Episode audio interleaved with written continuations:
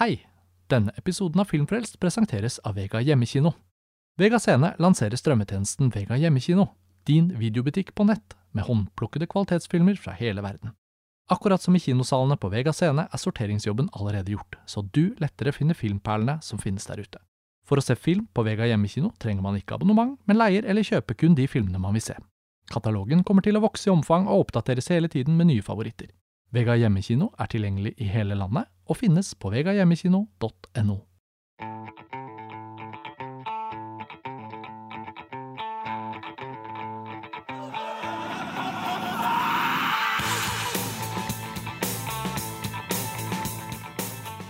Hei og velkommen til en ny episode av Filmfrelst, podkasten fra filmtidsskriftet montasj.no. Mitt navn er Karsten Meinick, og jeg sitter her i dag sammen med Lars Ole Kristiansen. Hei, Lars Ole. Hei, Karsten. Du, dette er jo en litt sånn god gammeldags podkastepisode hvor vi to har sett en film og skal snakke om den. Og eh, den filmen vi skal snakke om, det er My Venn sin nye film DNA, som har norsk kinopremiere fredag 9. april, midt under pandemien. Og Lars Ole, dette er jo en film vi vanligvis ville ha sett i Cannes, og vi har blitt enige om å da se den og snakke om den litt sånn i Cannes-modus. Ja, fordi filmen ble jo da valgt ut i hovedkonkurransen i Cannes i fjor, men Cannes-festivalen disket jo bare opp en veldig sånn halvhjertet digital løsning. altså Det ble ikke noe prisutdeling osv. Og, så og vi forbinder jo det å se en My Venn-film eh, med Cannes-festivalen. Eh, og det er noen greier rundt My Venn som vi syns er veldig morsomme. Eh, og vi er jo da begge fans. Vi er My Venn-venner. Mm -hmm. Og eh, hvert år så er det gjerne ganske Eller hvert år hun da er i Cannes, så er det gjerne eh, Det oppstår en del uenigheter eh, rundt filmene hennes. Eh, de blir ofte veldig godt mottatt i Frankrike. Ofte ganske dårlig mottatt av amerikanske kritikere. Og så har det oppstått en tradisjon, da, at uansett hvordan mottagelsen blir, så vinner filmene pris. ja. og jeg mistenker at uh, DNA, eller ADN som den heter på fransk Veldig morsomt at franskmennene har uh, en, en, egen måte å si DNA på. Mm. Jeg mistenker at den også ville tatt med seg en pris, kanskje til og med prisen for beste kvinnelige skuespiller til My Venn selv. Ja, jeg tenker du har helt uh, rett i den antakelsen, og uh, vi må jo bare også si at dette er en film vi nå etter å ha sett den nå eh, på formiddagen, så, så, tror jeg vi begge rant litt over av behov for å snakke om den med en gang. Litt sånn som det ofte er i Cannes når man ser noe som er både fornøyelig og morsomt, og på en eller annen måte treffer vår smak veldig, da. Og for de av lytterne som ikke nå kobler My Venn, det kan jo være noen av dem, så kan vi jo gi en bitte liten primer på hvilke filmer hun da har laget. Den mest kjente, kanskje, eh, for det norske kinopublikum må vel da nødvendigvis være Police da, fra 2011. Ja, og den står jo stødig på en måte som hennes eh, mesterverk. Ble nominert til 13 Cæsar-priser. Jeg lurer faktisk på om det er eh, en slags eh, rekord. Mm. Eh, og vant eh, da prisen for Altså juryens pris i, i Cannes. Mm. Før den så hadde hun jo laget to andre filmer, 'Pardonnez-moi' og 'Le bal des actrices'. Og jeg husker jeg klarte å få has på den 'Pardonnez-moi', og den har jeg sett. Og der følte jeg jo allerede mange av sånne My Venn-trekkene var på plass. Hun eh, har jo eh, som regel en rolle i sine egne filmer, og hun eh, er en, en, type, kan man si det sånn, eh, med både mye eh, emosjonelt uttrykk. Hun er jo veldig flott, vakker, men også veldig spesiell. Og det er veldig mye humor som hører til henne. Og så lenge hun holder i et kamera, så vet jeg i hvert fall at du og jeg begge Eh, får det litt sånn Begynner å kjenne at det kommer en liten fnis. Eh, ja. Fordi det er litt gøy. Men jeg har ikke sett den Le Bal des Actrices, da. Nei, og det er den eneste jeg ikke har sett. Jeg har også sett Pardonnez Moi, som jo er en veldig sånn, hudløst personlig film om hennes brudd med sine foreldre. Mm. Eh, det er jo en årsak til at hennes opprinnelige etternavn ikke lenger er en del av navnet hennes. Mens den Le Bal des Actrices, eh, den er ikke mulig Jeg har DVD-en for å kunne si at jeg har komplett My Venn i, i hylla, men uh, den lar seg ikke anskaffe med engelsk tekst. Og i og med at hennes filmer er så dialogtunge, så har det på en måte aldri fristet helt å, å da se den uh, uten tekst, i og med at uh, min fransk er altfor rusten til at, det, til, ja, til at det er tilstrekkelig for å kunne få en, en, en, en, rik opplevelse. Så det er den eneste grunnen til at jeg ikke har, eh, har sett den. Men det er veldig flotte med at du har den, er at én dag når du kanskje lærer deg fransk, så kan du se komplett, my venn. Ja. I det grønne solskinnet der ved enden av horisonten.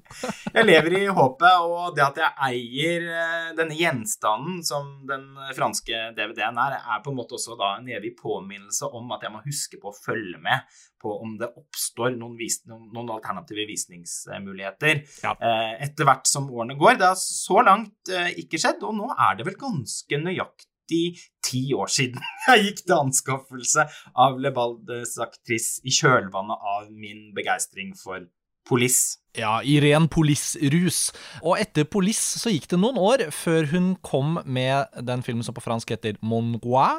Min elskede het den vel på norsk. og der spiller hun jo ikke en stor rolle selv. Der er det Emmanuel Bacot og uh, Vincent Cassel som spiller et sånt um, uhelbredelig forelsket par som rives og slites i hverandre og oppfører seg ganske jævlig med hverandre, men likevel ikke helt klare Særlig han er jo fryktelig slem, uh, men likevel så er det noe sånn ubrytelig over den kjærligheten. Og denne litt sånn ondsinnede væremåten, den hentes opp fra skrinet igjen når My Venn nå presenterer oss for dette familiedramaet, eller familiedramakomedien, får vi nesten kalle det, som er DNA. Og Lars Rui får ta lytterne litt inn i hva slags premiss som eh, gjelder for denne filmen, da, før vi bare begynner å snakke litt om hva, vi, hva det er vi har sett. Hvem er det vi møter her? Ja, altså Igjen er det jo snakk om en veldig personlig film, da. Og My Venn har vel for første gang siden Pardonemo en veldig definert hovedrolle. Men nå uten dette litt sånn humoristisk selvbevisste elementet med at hun også er en observatør i dramaet i filmen med kamera. Eh, som har skapt et sånt eh, slags eh, metanivå vi i alle fall syns har vært eh, litt morsomt. Også fordi hun har så utrolig fantastisk sånn flommende hår som gjerne kommer i veien for kameralinsen og sånn mm. i, i Police og den Pardonnet eh, Moi. Her eh, oppleves hun jo kanskje ikke fullt så tett på den hun er i, i virkeligheten, med tanke på eh, det, detaljene som utfyller karakteren hennes. Altså verken eh, klassetilhørigheten eller det hun jobber med, familiesituasjonen og sånn. Eh, etter hva jeg kan forstå, i hvert fall, er, er vel på ingen måte en speiling av eh, My Venns privatliv. Men den eh, algeriske tilhørigheten og kompliserte familiebånd, det er jo ganske utvilsomt eh, noe man kan eh, sette i forbindelse med, med hennes liv, da. Ja, og det gjør jo filmen ganske personlig, selv om den på en måte er en sånn uh, veldig sånn klassisk fiksjonsfilm, så, så, så, er det helt åpenbart at det er en eller annen eh, selvbiografisk eh, bit av dette puslespillet. Og selve plottet her dreier seg jo rundt en sånn storfamilie med en aldrende Alzheimer-syk bestefar på gamlehjem som de alle er veldig glad i, men alle også har eh, veldig kompliserte forhold til hverandre. Så han er på en måte det ankeret som holder denne familien i sjakk. Og når han da går bort, som er liksom den igangsettende hendelsen her, så løsner skipene fra kaia, og så er det mange kollisjoner og mye, mye bølger i vannet som skal uh, komme til ro på en eller annen måte. Og jeg syns jo faktisk at My Wen, uh, all humor til side, da, jeg vet at vi har vi har veldig mye glede av å le med henne i disse filmene, fordi det er noe sånn fantastisk fransk over hvordan hun uh, skildrer rollefigurer, hvordan hun liksom får folk til å snakke mot og med hverandre, og i små ganske alvorlige scener, så er det likevel noe med at de får seg til å si ting som man ikke kan respondere på på noen annen måte enn å le. Uh, og, og, den balansen tror, tror jeg er veldig bevisst, men den er også veldig uvant. Uh, det er nesten bare i fransk film jeg føler man finner det. da. Så dette er en film om veldig alvorlige temaer, egentlig. Om, om et familieoverhode som går bort, og, og, og, folk oppfører seg tidvis helt grusomt med hverandre. Men av tonen og bare den lettheten i, i fortellerstilen, så er det også veldig mye humor her. Akkurat uh, som i Police. altså Den handler jo om det disse sedelighetsavsnittet ved en politistasjon i Paris som primært jobber med barneovergrepssaker. Helt liksom forferdelig dystert rammeverk.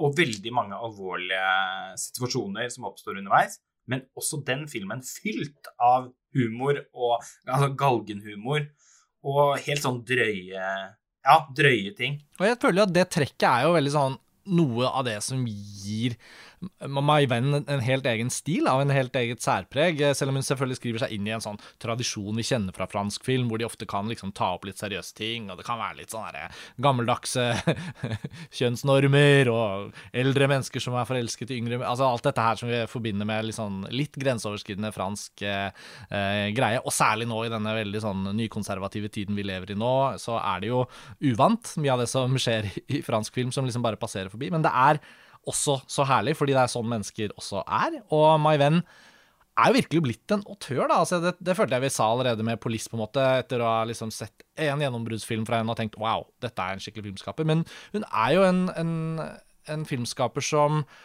har noe sånn Hvis vi skal gå litt inn i hvordan denne filmen er fortalt, da, så har hun jo noe sånn veldig direkte og hun, hun, tenker ikke og grunner ikke over det filmen handler om, men hun bare slynger oss inn i ting. Eh, og den inntar jo en tidvis veldig sånn elliptisk historiefortelling som gjør at vi, vi henger jo ikke alltid helt med på familierelasjonen og hvem som er hvem i dette her, men My Venn virker hele tiden å styre oss inn mot sånne klare emosjoner, da, som gjør at jeg syns filmen er ekstremt underholdende og lett å følge. Og man blir jo engasjert etter bare noen minutter, og det slipper jo ikke tak før filmen er ferdig. Nei, og jeg syns det er litt gøy at uh, noen av familieforbindelsene og sånn uh, er litt uklare ganske lenge, fordi det trigger en eller annen nysgjerrighet òg. Og som du sier, filmen er uh, elliptisk. det er også de tidligere filmene hennes, så man kan på en måte merke at det har vært veldig mye materiale her målt opp mot den ferdige filmens lengde, for den er mm. under 90 minutter. Og i alle fall før rulletekstene kommer. Og, og det skaper en sånn følelse av av luksus jeg synes jeg at liksom bare det beste og mest vesentlige er det vi får eh, kuratert.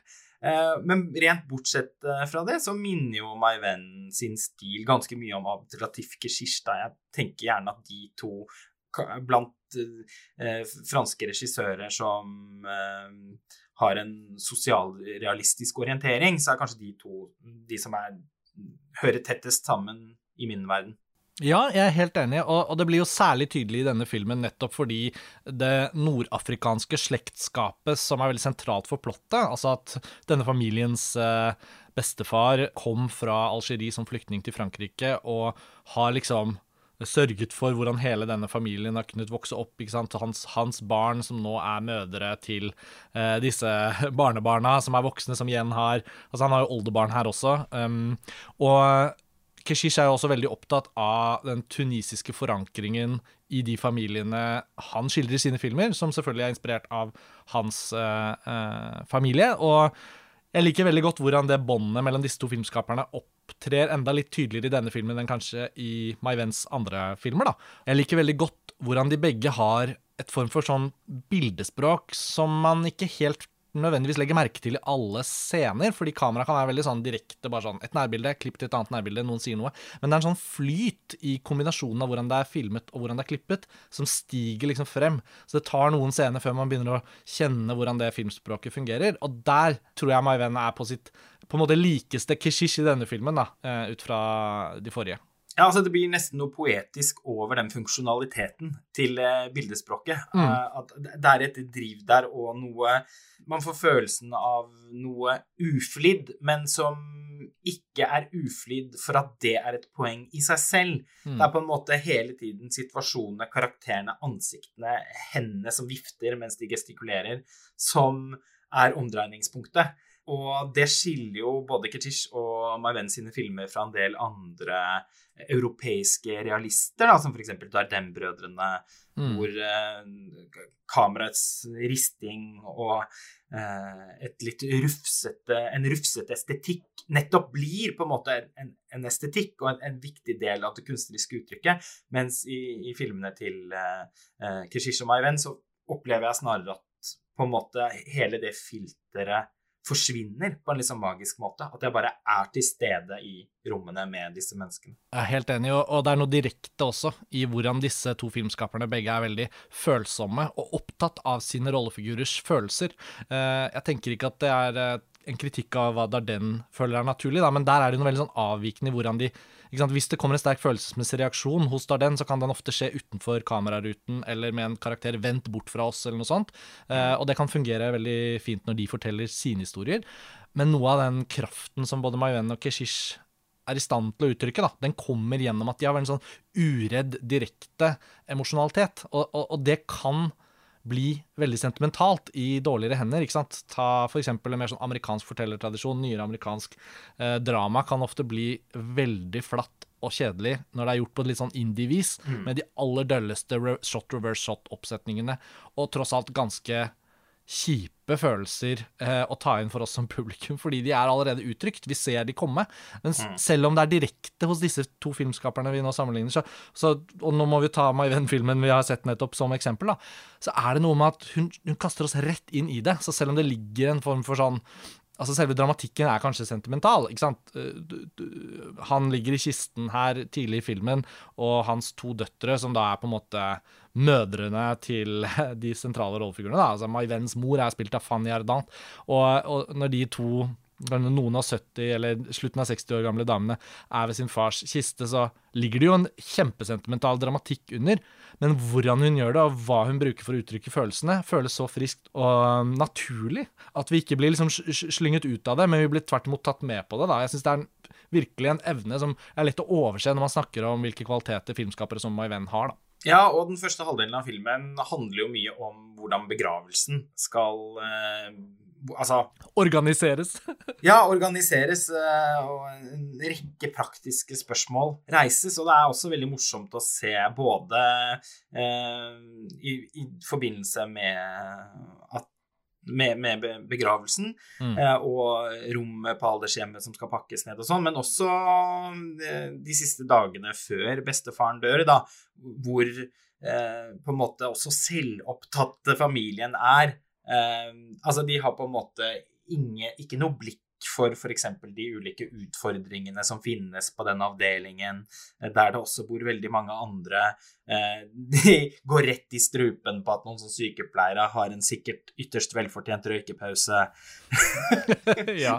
altså, og, og det oppleves jo veldig gjenkjennbart. Jeg har selv vært til stede på eh, et aldershjem med egne besteforeldre den siste tiden de tilbrakte på jorden. Og, mm. og, vært frustrert over Men er det liksom ingen her? Altså, hvor er det kaffe? Hvor er det Ikke sant? Ja, han er jo fantastisk. Han rollefiguren der for øvrig, som er vel et av barnebarna til den avdøde, men liksom fetteren til My Venn, men han er litt yngre, og han Ja, han har helt utrolig nydelig ja, rollefigur, og, og jeg, jeg mener bestemt at jeg har sett han før. Ja, og jeg kan fortelle deg hvor, for det, det ja, la jeg merke til med en gang.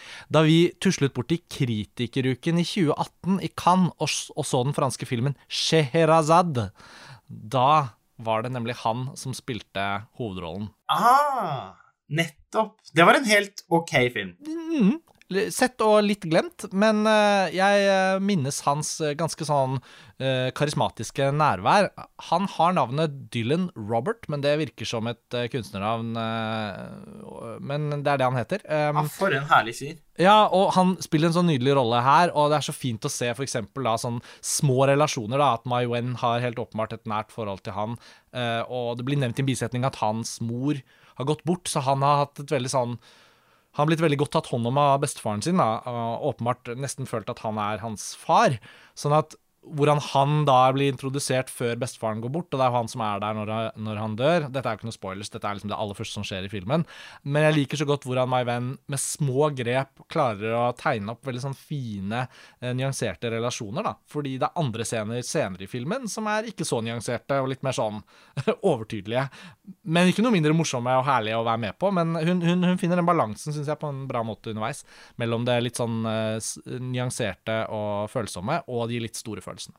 Vi kan jo bevege oss inn i den andre halvdelen av filmen. Yeah. Eh, under begravelsen så dukker jo da my venn-figuren, Nej som hun heter, sin far eh, opp. Og han er jo rett og slett bare en helt forferdelig fyr. Eh, liksom absolutt verste sort. Eh, en, en, eh, en, intellektuell eh, og på en måte be, litt bemidlet type som ja, som åpenbart har tatt noen veldig kyniske livsvalg for å kanskje opprettholde sin egen Altså det å pleie seg selv. Lord knows, vi får ikke vite noe helt konkret om dette i løpet av, av filmen, men han har i alle fall endt opp liksom litt i sin egen hule, som en sånn selvfornøyd, selvsmakende, utholdelig type med masse barn. Eh, og dine, mine, våre. Og det ble vi heller aldri helt uh, kloke på. En ekstremt gjenkjennelig karakter. Ikke fra min egen eh, familie, men jeg kjenner andre familier hvor sånne typer finnes. Og hans forferdelighet uh, motiverer Nej eh, til å Og i kombinasjon med bestefaren, som hun var så ekstremt tett knyttet til, og som har vært hennes farsfigur, og som er fra Algerie, eh, så, så, blir det litt viktig for henne å på en måte finne ut av hva som er hennes egentlige opphav, mm. og hvor stor rolle hennes biologiske far eh, spiller i den miksen. Altså hvor mye har hun fått fra han kontra hvor mm, mye hun mm. har fått fra sin mor, som hun heller ikke altså, takler å ha jevnlig kontakt med, og som uh, hun regelrett bryter med på et tidspunkt i filmen. Jeg har ikke tro på at det kommer til å vare. Nei, eh, de, de, har nok brutt med hverandre før også. En vanvittig morsom scene, da. ja, helt utrolig scene. Overleveringen av urnen. En virkelig sånn mesterskapsscene, da. Altså, der er det noen replikker så, altså, så forferdelige eh, replikker at på en måte det går sånn Bergman i høstsonaten i næringen. Ja, jeg skulle til å si det. Det er liksom den typen filmer man kan sammenligne den med tidvis, da. Eventuelt han, eh, han eh, Carl i Fanny og Alexander, som har en litt sånn tilbakemeldingsrunde overfor sin tyske kone der. Det er litt sånn i den sjangeren. ja. Nei, men altså Om det er noen tvil her nå, så er jo denne nye My Venn-filmen en ekstremt varm anbefaling. Og det er jo litt sånn leit å tenke på at vi vi snakker om filmen, og den er aktuell på kino i en tid hvor så mange norske kinoer er stengt. Men ja. noen vil kanskje også høre på denne episoden senere, hvor kinoen er åpne igjen, eller at filmen er på digital klikkefilm og sånn, og da er det jo bare å bare å kaste seg over den. Ikke bare fordi vi uh, setter fingeren på mange av dens kvaliteter nå, men, men, også bare en viktig ting å huske på her, er at dette er en ekstremt underholdende film. Altså Den er meddrivende på et rent dramatisk nivå. Den er tidvis veldig morsom. Og dette du akkurat beskrev, Lars Ole, hvordan kan så, la rollefigurene være så slemme med hverandre, er også ekstremt underholdende, fordi det er jo noe vi forhåpentligvis veldig sjelden erfarer selv. da, Å se noen som bare sabler hverandre ned med forskjellige sannheter eller usannheter om hverandres karakter. Og jeg føler at skiftet filmen også gjør mellom å være da på en måte en film om bestefarens begravelse, om den sorgprosessen, og da blir vi jo kjent med alle i familien. Og så gjør den det skiftet over til å bli en slags sånn identitetshistorie om særlig Mai Wens karakter, da, hvor hun i vakuum etter bestefarens bortgang begynner å reflektere over hvem hun egentlig er, da, hvor hun egentlig kommer fra, på en måte. Og det er jo også en type fortelling som er veldig sympatisk, da. I hvert fall sånn som den er skildret til denne filmen. Man blir veldig med på hennes reise der. Så, så, til å være bare 90 minutter syns jeg den inneholder veldig mye. Ja, den er vanvittig innholdsrik. En slags sånn zip-fil eh, av, eh, av, en film. Og i identitetspolitikkens tid, da, så er det jo veldig enkelt å sette løsnese på f.eks. en sånn prosess, mm. hvor, hvor, det å finne tilbake til sitt opphav prosent for prosent eh, blir et så viktig, en, en, så viktig del av en generell selvrealisering. Men der syns jeg jo My Venn finner en veldig god balanse, da, fordi selv om filmen jo eh, hele tiden har eh, bærer på veldig mye humor, så så syns jeg den tar det, den reisen der på alvor. Og på en måte også på tross av at uh, den ikke har så mange minutter å uh, spille seg ut på. Vi, altså, filmen er allerede over uh, halvveis, eller halvgått løp, idet den prosessen begynner. Og desto mer imponerende er det at det Jo, altså, det føles komprimert, men ikke halvveis eller ufullstendig. Ja, ufullstendig. Mm. Jeg er enig. Og med det sagt så har vi jo egentlig fått uh, diskutert de viktigste punktene ved My Venns nye film DNA, Lars Ole.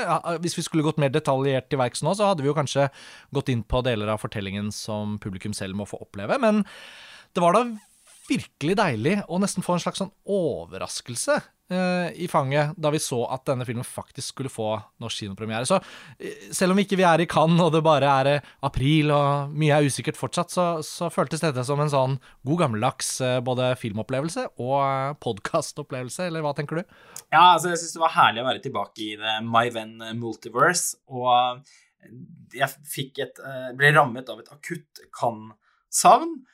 Og det er en film man virkelig får lyst til å liksom eh, diskutere etter man har sett den, i kombinasjon med å åpne en flaske rødvin. Franskere blir det ikke.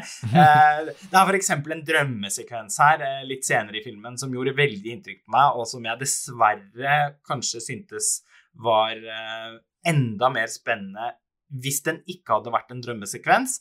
Eh, det, er noen detaljer å, å kunne liksom uh, undersøke litt uh, nærmere her, men jeg er enig med deg at det ikke er noe større poeng ut at vi gjør det nå. Det er på en måte ingen store gåter som skal løses her. Filmen er en veldig sånn umiddelbar opplevelse og vanvittig bra spilt og, og skrevet og regissert av noen som virkelig vet å liksom klemme livet ut av Eh, av skuespillerne sine. Nei, altså hun er jo en vanvittig god, god historieforteller og en menneskekjenner, eh, mm. my venn. En venn. En venn.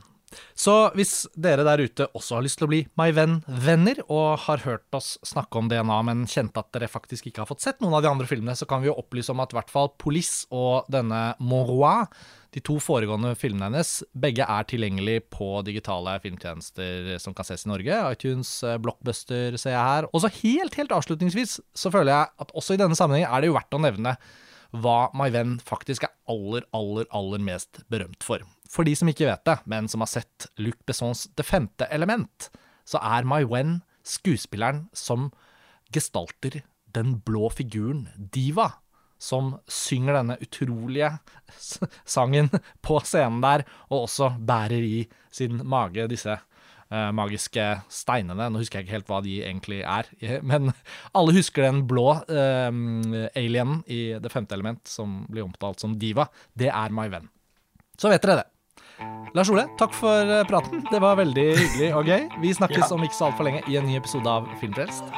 Ha det bra. Ha det bra.